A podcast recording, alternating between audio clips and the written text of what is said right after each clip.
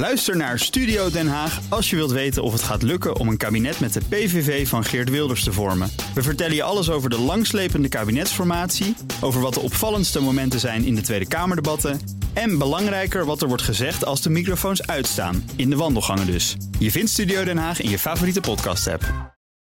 De column van Bernard Hammelburg.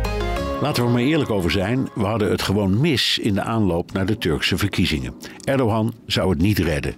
De aardbeving, de gecrashte economie, de gemuilkorfde media, de neo-Stalinistische klopjacht op elke veronderstelde tegenstander, dat alles zou hem de politieke kop kosten. Ankara en Istanbul, met samen 20 miljoen inwoners, waren de herauten van de ommekeer, want die steden hadden zich tegen hem gekeerd.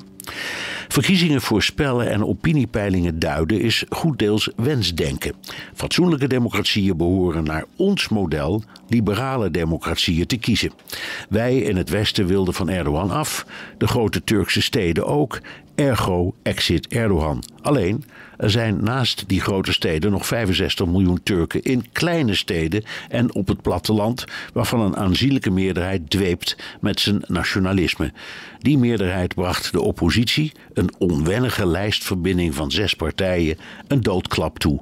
Ergo exit oppositie. De Turken kozen niet voor ons model van democratie, maar voor Turkije.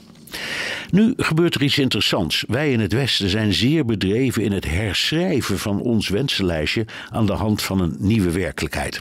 Dat gaat bijvoorbeeld zo. Nu Erdogan zijn buit binnen heeft, onder meer door zijn hetsen tegen de Koerden, hoeft hij zich niet meer te verzetten tegen het Zweedse lidmaatschap van de NAVO.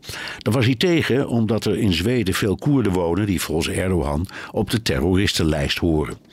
Als verkiezingsretoriek ging dat erin als koek, maar de meeste Turken weten waar Zweden ligt, dus de hetze heeft haar werk gedaan. Ergo, Erdogan geeft zijn verzet tegen het Zweedse lidmaatschap op. De Amerikaanse minister Blinken van Buitenlandse Zaken vloog maandag meteen naar Zweden om het scenario nog eens door te nemen. Komt het allemaal goed? Dat is wat wij elkaar vertellen. Joe Biden was een van de eerste buitenlandse staatshoofden die Erdogan feliciteerde. Hij stelde een ruil voor toelating van Zweden in ruil voor F-16's, waarom Erdogan al jaren vraagt. Gouden kans voor Erdogan om voor het bondgenootschap te kiezen, ergo Turkije en de VS vallen elkaar op de komende NAVO-top in juli vreugdevol in de armen. Is het waar?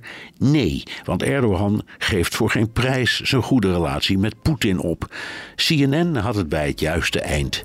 Het buitenlandbeleid van Erdogan gaat helemaal niet veranderen. En wij? Wij gaan gewoon door met wensdenken.